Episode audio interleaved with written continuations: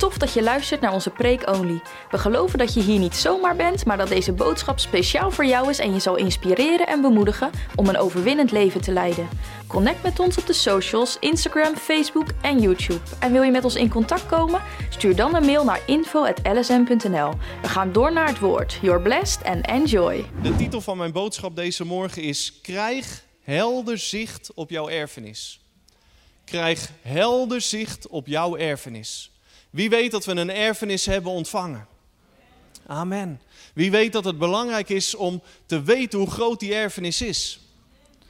Als iemand hè, in het natuurlijke je een erfenis achterlaat, dan ga je, hè, je krijgt van de notaris krijg je de papieren om inzicht te krijgen in de grootte van die erfenis. Dan ga je er ook in duiken. Dan wil je weten hoe groot is het? Waar, wat valt er allemaal onder die erfenis? En zo is ook het christenleven, wanneer we het woord van God bestuderen, dan bestuderen we onze erfenis. Wat Jezus voor ons gedaan heeft. En ik wil beginnen vanmorgen met gaan naar Efesius 1, vers 15 tot en met 19. Efesius hoofdstuk 1, vers 15 tot en met 19.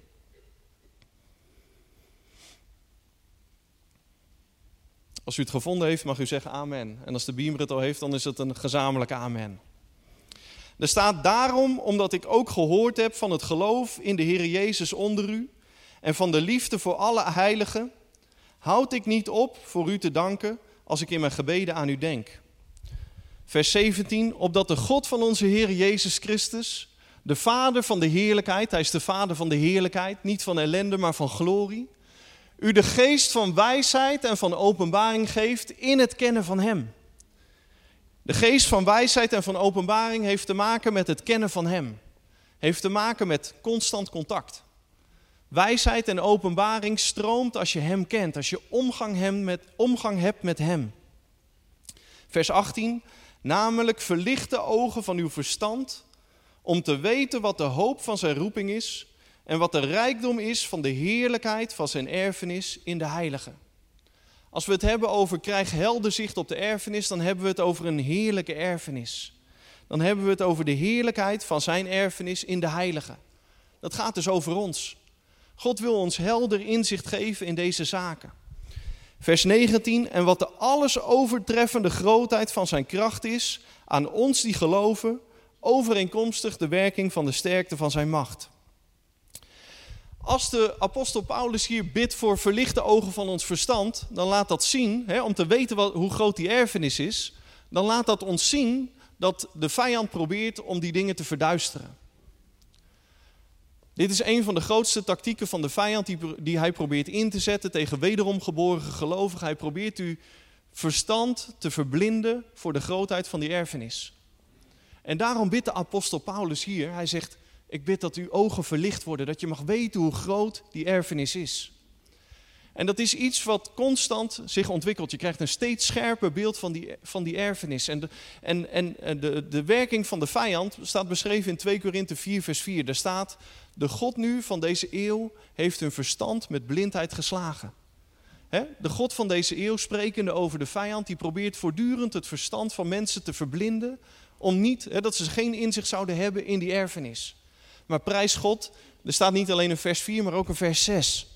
En in vers 6 staat, hè, maar God heeft zijn licht in onze harten laten schijnen.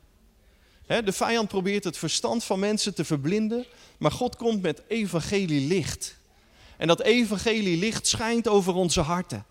En als dat over onze harten schijnt, dan krijgen we wat hier staat in Efesius 1, vers 18. Verlicht de ogen van uw verstand om te weten. We zijn geroepen om te weten.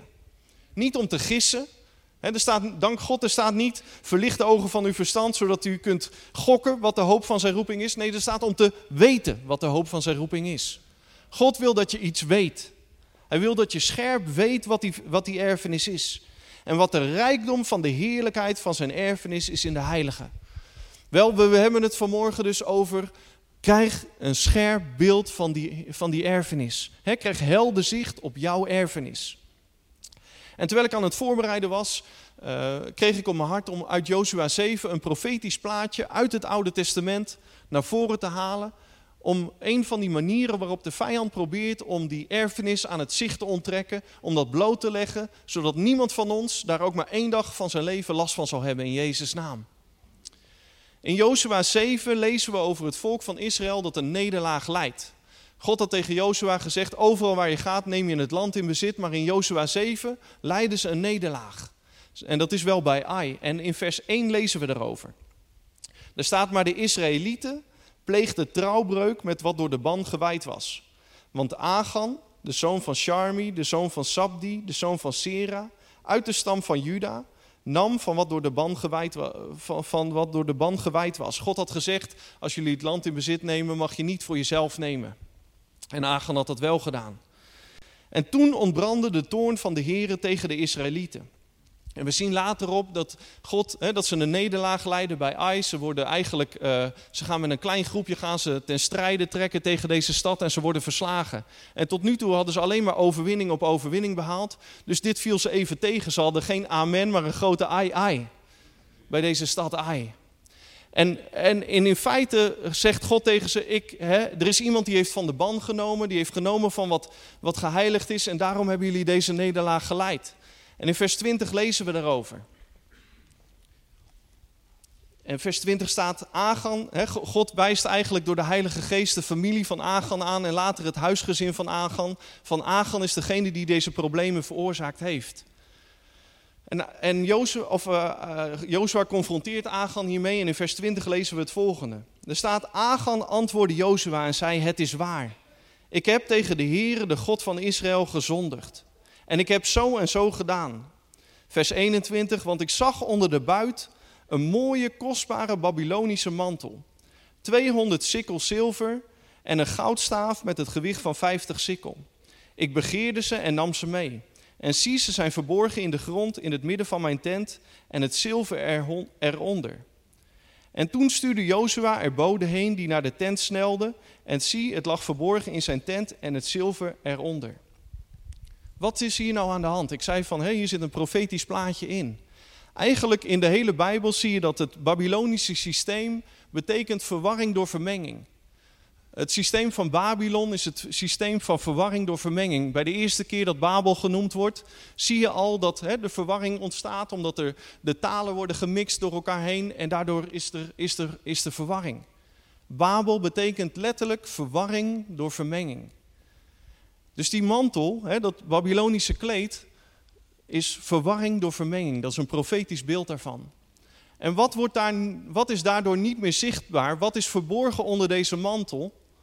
Het goud en het zilver. Goud is in de Bijbel altijd een teken van goddelijkheid. Is een profetisch beeld van goddelijkheid. En zilver is een teken van onze verlossing. Als je die dingen met elkaar combineert, dan is verwarring voor, door vermenging zorgt ervoor dat het zicht ontrokken wordt van onze goddelijkheid, hè, Christus in ons, en onze verlossing. De nederlaag kwam omdat ze door verwarring, door vermenging, geen zicht meer hadden op hun God in hen en eigenlijk de verlossing, het verlossingswerk. Als je dat met een nieuwtestamentische bril leest, dan is dat eigenlijk de profetische lading van dit verhaal. Op het moment dat je niet meer ziet op je verlossing, als je niet meer ziet op God in jou, Christus in jou, de hoop op heerlijkheid, als dat door verwarring, door vermenging eigenlijk uh, aan het zicht ontrokken wordt, dan kom je in de nederlaag. Het volk leidde nederlagen omdat ze dingen met elkaar gingen mengen. En zo zijn wij geroepen om niet het woord van God, het nieuwe, niet het nieuwe verbond van genade, te vermengen met het oude verbond van de wet. We zijn niet geroepen om het oude verbond te mengen met het nieuwe verbond. We moeten het woord van God recht snijden, zegt de Bijbel. We moeten zorgen dat we het woord van God recht snijden. Dat we nu we leven in het nieuwe verbond, dat we ook leven op grond van het nieuwe verbond van genade. Niet een beetje genade en een beetje wet, niet een of andere mengvorm. Op het moment dat je deze verbonden gaat mengen, het eerste wat er onzichtbaar wordt in je leven is God in jou en het verlossingswerk van Christus. Wij vieren avondmaal vanmorgen. Avondmaal is het vieren van het volbrachte werk. Het volbrachte werk. Geen mens kan toevoegen aan wat Jezus gedaan heeft aan het kruis van Golgotha. En muziek komt in je christenleven op het moment dat je rust in het volbrachte werk. Op het moment dat je die geloofsrust binnengaat, dat je stopt met een beetje van jezelf, een beetje eigen werk, een beetje eigen inspanning en een beetje genade, maar dat je zegt nee, ik zal niet toestaan in mijn leven dat er verwarring komt door vermenging. Ik, ik, zet dat, ik haal dat kleed weg in mijn leven en ik hou zicht op Christus in mij. Ik hou zicht op het verlossingswerk van Jezus. Als je kijkt naar de namen in vers 1, dan zijn die ook nog interessant. Ik was dit aan het voorbereiden.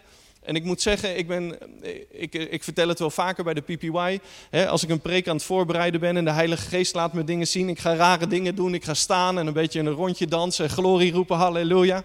En uh, ik ben van de week met de familie Pinas in Losser geweest. We hadden een familieweekje met de familie van mijn vrouw. En u ziet het al, alles is losser geworden behalve mijn heupen. Hè? Dus het zijn Hollandse dansjes.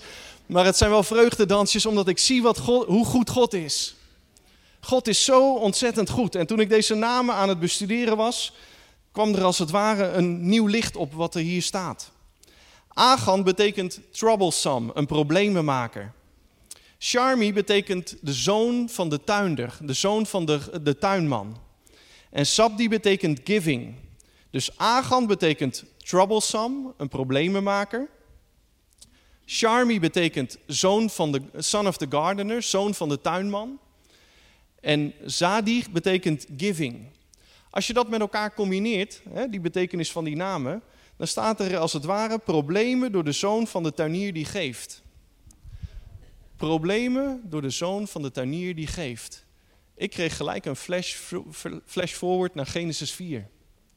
In Genesis 4 lezen we over Kain en Abel. Over Kain en Abel. En uh, geeft van de opbrengsten van het veld. Hè? Van wat hij zelf als tuinier gemaakt had. En God wees dit offer af.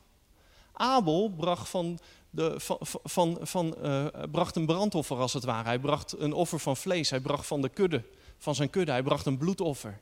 En God sloeg wel acht op het offer van Abel, maar niet op het offer van Kain. Sterker nog, Kain wordt daar heel boos over, lezen we later in dat verhaal.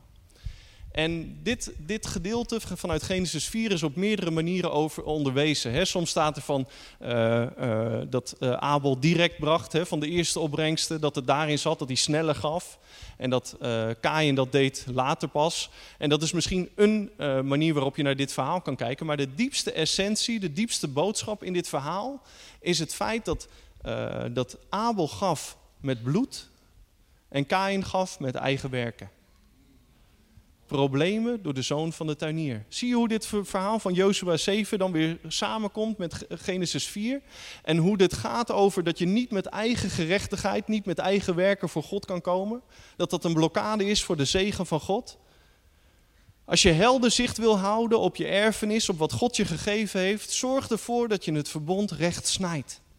Dat je leeft vanuit de volheid van de genade die Christus voor jou gekocht heeft is zo ontzettend belangrijk. Ik moet zeggen, ik heb jaren echt gestudeerd op dat onderwerp van genade. Ik ben er diep ingedoken omdat ik wilde weten, Heer, hoe zit dat nou precies? En hoe meer ik het zie, hoe, hoe, hoe meer de Bijbel als geheel sens maakt. Je ziet overal door de Bijbel heen, zie je het wonder van het scharlakenkoord. Iemand schreef een boekje hierover, The Miracle of the Scarlet Thread. En wat is dat scharlakenkoord? Wat is dat rode koord? Het is het bloedverbond van Jezus Christus. Van Genesis 1 tot openbaringen, tot aan het eind van het woord van God. Overal zie je Jezus. Overal zie je Jezus. Je ziet hem in de tabernakel, je ziet hem in de uittocht uit Egypte. Overal wijst de Bijbel profetisch naar Jezus. Waarom? Hij is het lam geslacht van voor de grondlegging der wereld. De lam geslacht voor de grondlegging der wereld. Voordat Adam en Eva ingingen op het verhaal van de vijand, van de slang was Jezus al in de geest het lam geslacht. Soms denken we hè, dat er ergens, toen de, de, de, de, de Adam en Eve in de fout gingen, dat er een soort paniekbel afging in de hemel, dat ze dachten, oh nee, wat moeten we nu doen? Nee, God is een voorziener. Hij had zelfs dit al voorzien. Jezus is het lam, geslacht, van voor de grondlegging der wereld. In de dimensie van de eeuwigheid was hij dat al. Voordat er een probleem was, was hij daar al. We zien dat ook bij Adam en Eva. Ze maken die fout en ze verstoppen zich voor God. We kennen de geschiedenis. En op het moment God gaat ze zoeken en zegt, Adam, waar ben je? En, en, en omdat ze bemerkten dat ze naakt waren, gingen ze zichzelf bekleden met vijgenbladeren. En God vond dat niet akkoord. Vijgenbladeren is ook weer een beeld van eigen gerechtigheid. God wil niet dat we de naaktheid van, ons, van, van die zondeval bedekken met eigen werken. God slachtte een paar dieren en bekleden ze met dierenvellen. God heeft vanaf het begin van het woord heeft hij altijd heen gewezen naar het sterven van zijn zoon. Omdat hij wist dat is het enige wat je in constant contact zal brengen. De enige manier waarop een mens zoals u en ik vanmorgen in constant contact kunnen leven met een heilige God is op grond van het bloedverbond. Is op grond van wat Jezus Christus gedaan heeft. En dat is ook de enige manier waarop we helder zicht houden op onze erfenis. Door niet die twee dingen met elkaar te mengen. Niet een beetje genade en een beetje je best doen. Het is goed om je best te doen. Het is goed om een fijne christen te zijn. Maar ons leven is gebouwd op de rots. Ons leven is gebouwd op de rots, Jezus Christus. Daarom zegt Paulus, Hem verkondigen wij. Hem verkondigen wij. Hij kwam geen wet onderwijs, hij zegt, Him we preach. Jezus verkondigen wij. Waarom? Omdat hij Gods glorie laat zien aan mensen. Gods redding maakt dat je geen zondaar bent, gered door genade, maar dat je een volbloed zoon en dochter bent van God. Soms hoor je het mensen zeggen, ik ben maar een zondaar gered door genade. Nee vriend, dat ben je niet. Je bent of een zondaar of gered door genade. Maar als je gered bent door genade, dan ben je een volbloed zoon en dochter van God geworden. Dan ben je in staat om uit de volheid van die erfenis te leven. Of je nu twee dagen gered bent of twintig jaar gered bent, niemand promoveert van het reddende werk van Jezus Christus. Dat blijft de grondslag van ons, grondslag van ons geloof. De Heilige Geest zei tegen mij een keer, hij zegt leer te kamperen bij het kruis. Ik zeg, wat bedoelt u daarmee, Heilige Geest? Hij zegt, je passeert nooit dit station in die zin. Ja, we weten hè, dat we niet alleen met hem gestorven zijn, maar dat we ook met hem opgestaan zijn en dat we met hem zitten in hemelse gewesten. Maar de grondslag voor onze relatie, ons constant contact met Jezus, Christus, de Zoon van de levende God, is dat ruwe houten kruis is zijn genade daar verkregen. En in Johannes 1, vers 12 lezen we hierover. Er staat maar allen, allen die hem aangenomen hebben, hun heeft hij macht gegeven kinderen van God te worden, namelijk die in zijn naam geloven. Het is door het aannemen van Jezus als je redder en verlosser dat je een kind van God bent geworden. Geen werknemer, hè? geen schoonfamilie, een kind van God. Een volbloed zoon en dochter van God. God is jouw vader en Jezus is je oudste broer. God is jouw vader en Jezus is je oudste broer. En religie zorgt ervoor dat je dit niet met vrijmoedigheid kunt zeggen.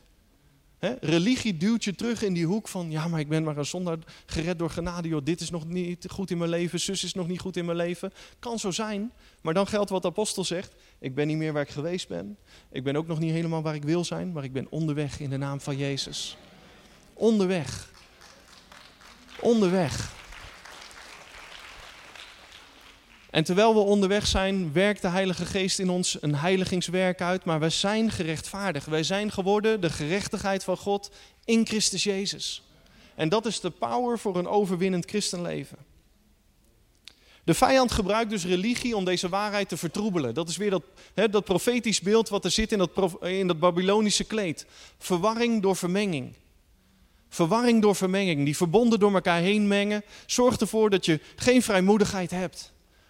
De vijand heeft een bediening, ze noemen hem de aanklager van de broeders. En ik heb slecht nieuws voor de zusters, hij doet het ook bij u. Hij is de aanklager. En wat probeert hij te doen door zijn aanklachten? Ik zeg het in campus uh, Dordrecht regelmatig. Hij, hij, gebruikt vaak de volgende zin: I know what you did last summer. dat is een film van een aantal jaar geleden.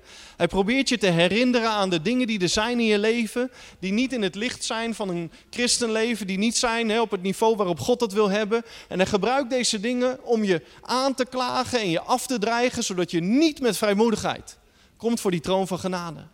Maar in mijn Bijbel staat dat we met vrijmoedigheid mogen komen tot de troon van genade. Om hulp te vinden te gelegene tijd. Waarom? Omdat we niet komen langs de weg van eigen werken, maar we komen langs die nieuwe en levende weg, Jezus Christus. En langs die nieuwe en levende weg hoef je niet schromend binnen te komen, maar je mag binnen rennen. Je mag binnen rennen en zeggen: Welkom, ik ben welkom voor de troon van God. Niet met schuld, niet met schaamte, niet met vijgenbladeren bekleed, maar bekleed met het bloed van het lam. Bekleed met het bloed van het lam. Het is het bloed van het lam dat maakt dat je vrijmoedig binnen kunt komen voor de troon van genade op ieder moment van je leven. Hoe het ook geweest is. Misschien heb je net een argument gehad met je man, met je vrouw. Misschien heb je je kinderen net gesnauwd. Ik heb hier alleen maar engelen zitten, dus ik weet zeker dat dat nooit bij jullie gebeurt. Ik heb het alleen over mezelf vanmorgen. Help me, Jesus. Wat er ook is in je leven. Je komt niet op grond van jouw prestatie, je komt op grond van jouw relatie. Veel te veel christenen komen op grond van hun prestatie. En je prestatie is wishy-washy, soms goed, soms wat minder. Maar die relatie is een eeuwigdurend verbond. Geschreven en ondertekend met het bloed van Jezus Christus. Niet te wissen. Door geen demon in de hel, niet door de vijand zelf. Geen demon kan dit bloedverbond uitwissen. Het is, het is geratificeerd, het is ondertekend, het is bekrachtigd met het bloed van Jezus Christus. 2 Timotheus 2 vers 15 zegt dan het volgende. Er staat beijver u om uzelf wel beproefd voor God te stellen. Als een arbeider die zich niet hoeft te schamen en die het woord van de waarheid recht snijdt. Die het woord van de waarheid recht snijdt. Wat is het rechtsnijden van het woord? Het is niet hè, hem openslaan tussen het Oude Testament en het Nieuwe Testament. Dat is een, een, een scheiding die gemaakt is door de vertalers. Het gaat om het rechtsnijden van wat er staat over het Oude Verbond en over het Nieuwe Verbond. In de Evangelie zie je Jezus veel dingen zeggen tot zijn tijdsgenoten die hij zegt onder het Oude Verbond. Terwijl hij bezig was om de wet te vervullen. We weten dat Jezus perfect gehoorzaam is geweest aan de wet. Dus ook in het Nieuwe Testament zitten elementen van het Oude Verbond, omdat Jezus nog daar, tot het kruis, in die dispensatie functioneerde. Hij stond erboven natuurlijk als de Zoon van God, maar hij is gekomen om de wet volledig te vervullen. Dus je ziet Jezus op die manier functioneren. Wij moeten voortdurend het woord van God recht snijden. Recht snijden zodat we genade overhouden en wet hè, aan de kant kunnen zetten. We zien eigenlijk dat de vijand voortdurend probeert om verwarring door vermenging te organiseren. Hij deed dit in de Hof van Eden. Heeft God niet gezegd? Ik zeg het vaak, de vijand is geen creator, hij is een imitator. God is een schepper. De vijand heeft geen scheppende kracht. Zijn kracht is de power of suggestion, de kracht van suggestie. Hij doet alsof hij heeft.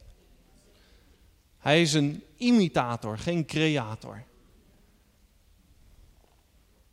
Heeft God niet gezegd?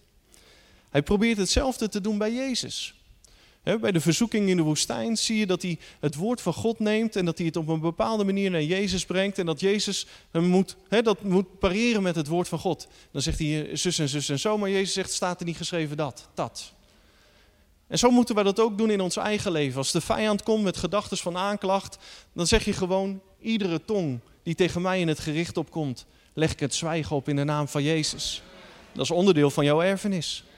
Dat is onderdeel van je erfenis. Eigenlijk, hè, ik ben als jurist opgeleid, ik heb rechten gestudeerd. Eigenlijk moet je met dit woord ook omgaan als een jurist.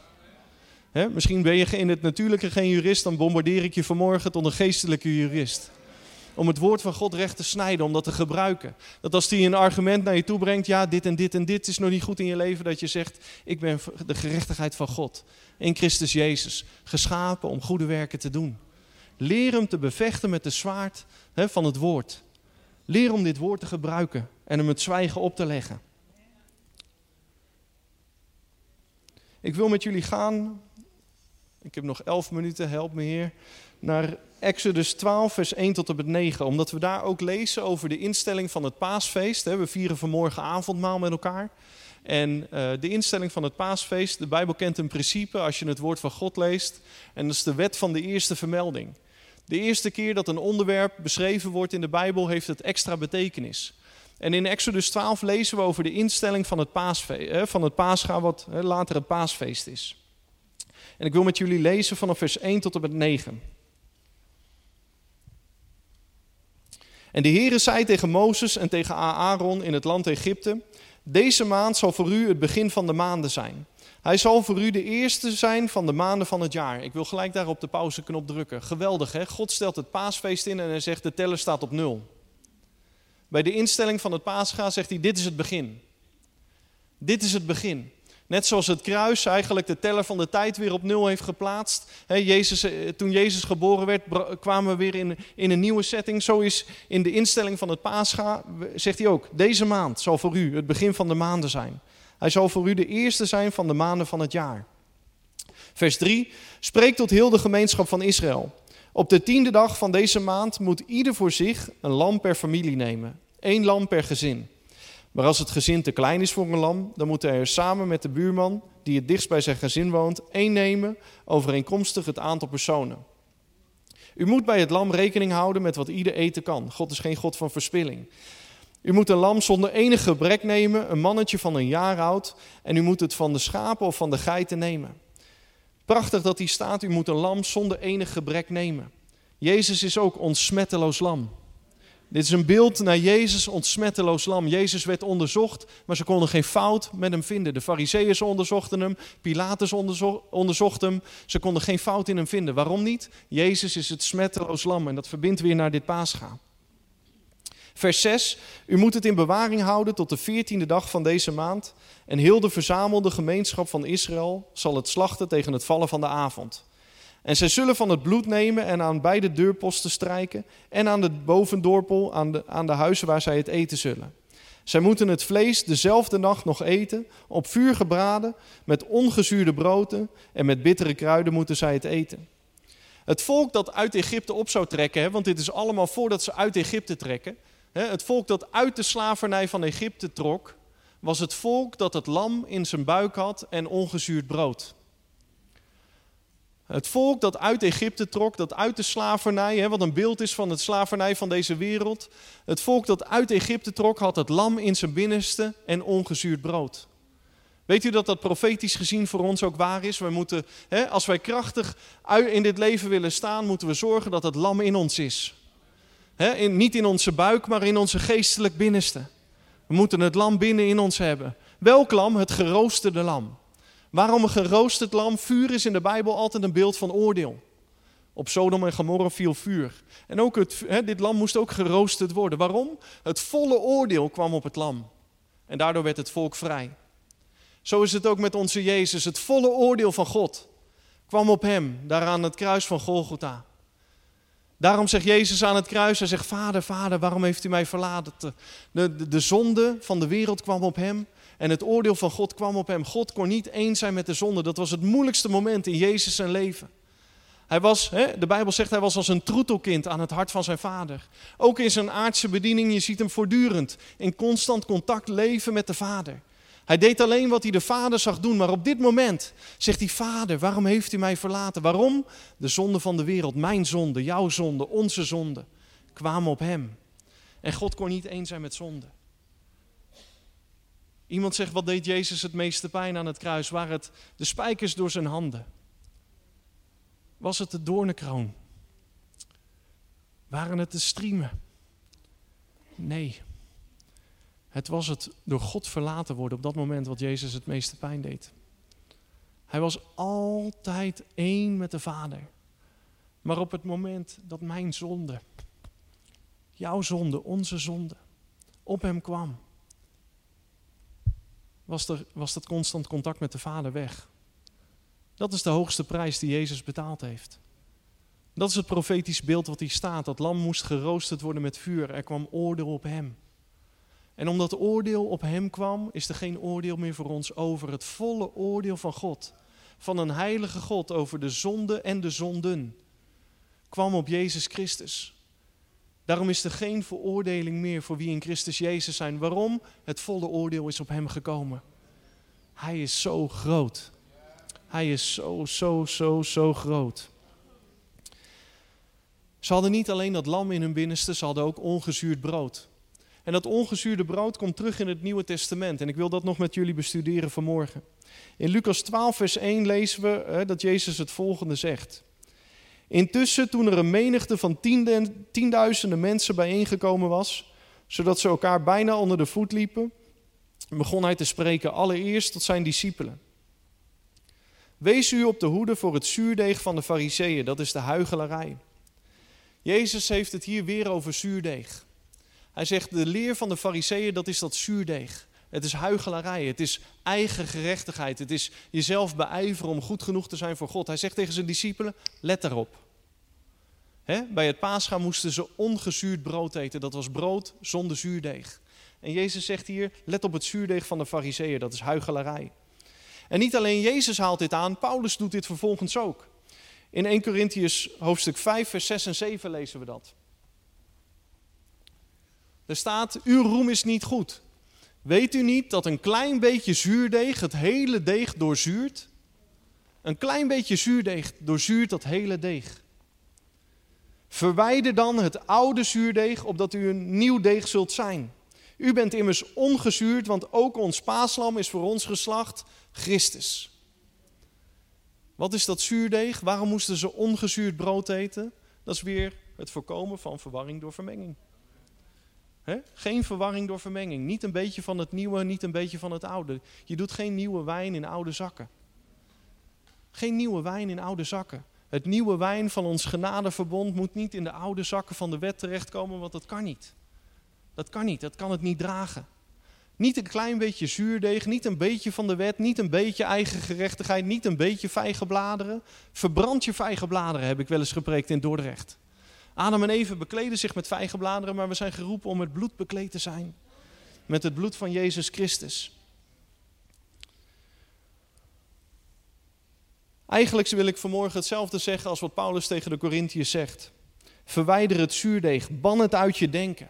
Weiger om de stand van je relatie te baseren op, de, op het niveau van je prestatie. Weiger om de stand van jouw prestatie, de diepte van jouw relatie met Christus te laten bepalen. Vers 9 uit Exodus 12, om dat gedeelte af te maken. Er staat, u mag daarvan niets rauws eten en zeker niet in water gekookt, maar alleen op vuur gebraden. Met zijn kop, met zijn poten en zijn ingewanden. Dat is dat beeld van dat oordeel van God wat kwam op dat lam. En in Jesaja 53, vers 4 tot en met 6 lezen we hierover terwijl we toewerken naar het avondmaal. Er staat, voorwaar onze ziekte heeft hij op zich genomen. Onze smarten heeft hij gedragen. Wij, hielden hem echter voor een geplaagde, door God geslagen en verdrukt. Maar hij is om onze overtredingen verwond, om onze ongerechtigheden verbrijzeld. De straf die ons de vrede aanbrengt was op hem. En door zijn striemen is voor ons genezing gekomen. Wij dwaalden alle als schapen, wij keerden ons ieder naar zijn eigen weg, maar de Heere heeft de ongerechtigheid van ons allen op hem doen neerkomen. Als je daar dankbaar voor bent vanmorgen, neem een moment om hem een klap over te geven en een goede halleluja.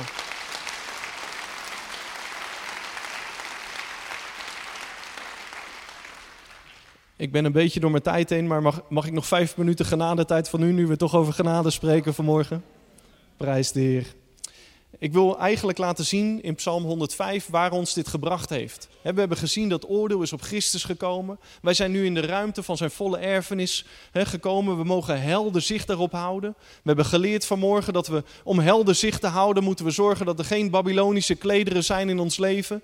Dat we niet die twee verbonden met elkaar vermengen, zodat het zilver van zijn verlossing en het goud van Christus in ons aan het zicht wordt ontrokken. En waar brengt ons dit nu? Waar brengt die erfenis ons naartoe? En in Psalm 105 wordt geschreven over de uittocht uit Egypte van het volk van Israël. En dat is een realiteit voor hen in het natuurlijke, maar in het geestelijke is dat ook een plaatje voor ons. Er staat vanaf vers 37, er staat, hij leidde hen uit met zilver en goud. Onder hun stammen was niemand die struikelde. In het Engels staat het mooie, er staat, there was not one sick or feeble among them. Het is het volk dat het geroosterde lam in zijn binnenste draagt en ongezuurd brood in zijn binnenste heeft, die zonder ziekte en zwakte op deze wereld kan wandelen. We moeten leren om te leven vanuit het volbrachte werk. Vanuit het volbrachte werk. Vers 38. Egypte was blij toen zij wegtrokken, want angst voor dit volk was op hen gevallen. Ze waren de kop en niet de staart. Hij spreidde een wolk uit om hen te bedekken en gaf hun vuur om de nacht te verlichten. Eigenlijk was hier constant counsel, eigenlijk constant leiding door de Heilige Geest. in de nacht was er de vuurkolom en overdag de wolkolom. Vers 40, zij baden en hij deed kwartels komen. Hij verzadigde hen met hemels brood.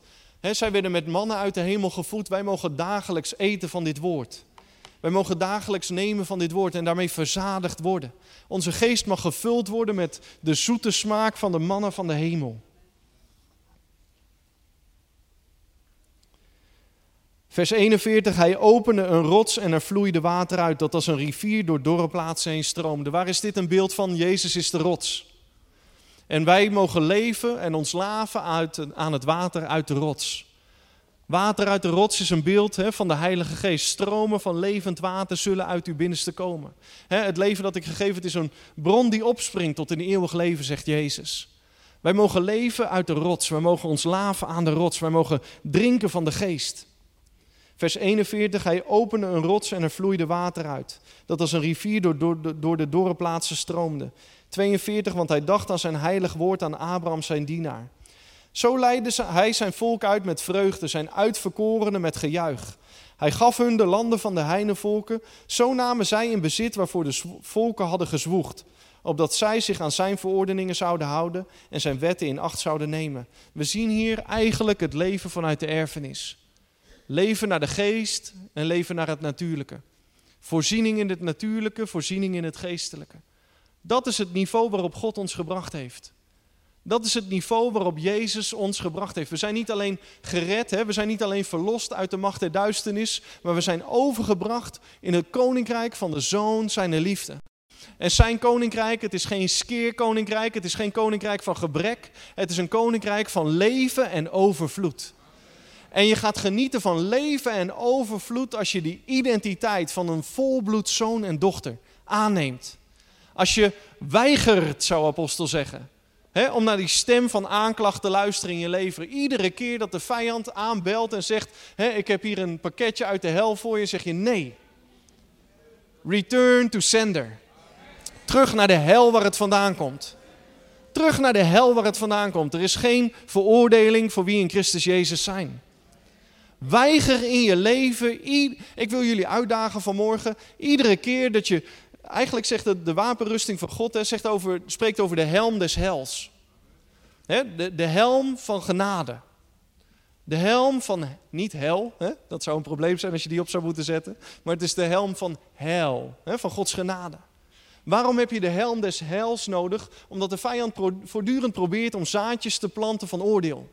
En die horen af te ketsen iedere keer dat hij zo'n zo'n zo'n brandend dartpijltje van, van, van veroordeling naar je hoofd toe gooit, zou je eigenlijk moeten horen, ting. Wat is er gebeurd? Het is afgeketst op de helm des hels. Ik wil jullie uitdagen om van de week je gedachten gewoon in de gaten te houden. En iedere keer dat er een gedachte komt van je bent niet goed genoeg, dit is nog niet goed in je leven, zus is nog niet goed. Iedere keer dat er een gedachte van veroordeling komt om die gedachte krijgsgevangen te nemen. Zeg ik neem deze gedachte krijgsgevangen in de naam van Jezus. We moeten onze gedachten leven als het ware zeven. En we moeten zorgen dat alle oude rotzooi eruit gezeefd wordt. iedere stem van aanklacht eruit gezeefd wordt. En dat we iedere keer dat we geconfronteerd worden met aanklacht, dat we bloed daarvoor in de plaats stellen. Bloed daarvoor in de plaats stellen. Weet je hoe heerlijk het is om in de rust van God te leven? Weet je hoe heerlijk het is om in zijn geloofsrust binnen te gaan? En ik weet, hè, we, we, we, we, zijn, we, zijn daarmee bezig als gemeente. We hebben het prachtige boek van Apostel over de nieuwe orde. Toch is het goed om dit te horen en te blijven horen. Want ons, hè, onze natuurlijke mens is, heeft de neiging om hetzelfde te doen wat Adam en Eva deden. Namelijk jezelf bekleden met vijgenbladeren. Heeft de neiging om te doen wat, wat Kain deed. Met je eigen werken bij God te komen. Maar we hoeven niet met eigen werken bij God te komen. We mogen komen op grond van bloed. Wat leuk dat je hebt geluisterd naar deze boodschap. We vertrouwen dat het je heeft geïnspireerd om in constant contact met de Heilige Geest te leven en om te wandelen in de volle blessing. Voor meer info over onze ministry kun je gaan naar lsm.nl of ga naar lsm.nl/locaties en vind een van onze campussen. Tot de volgende keer.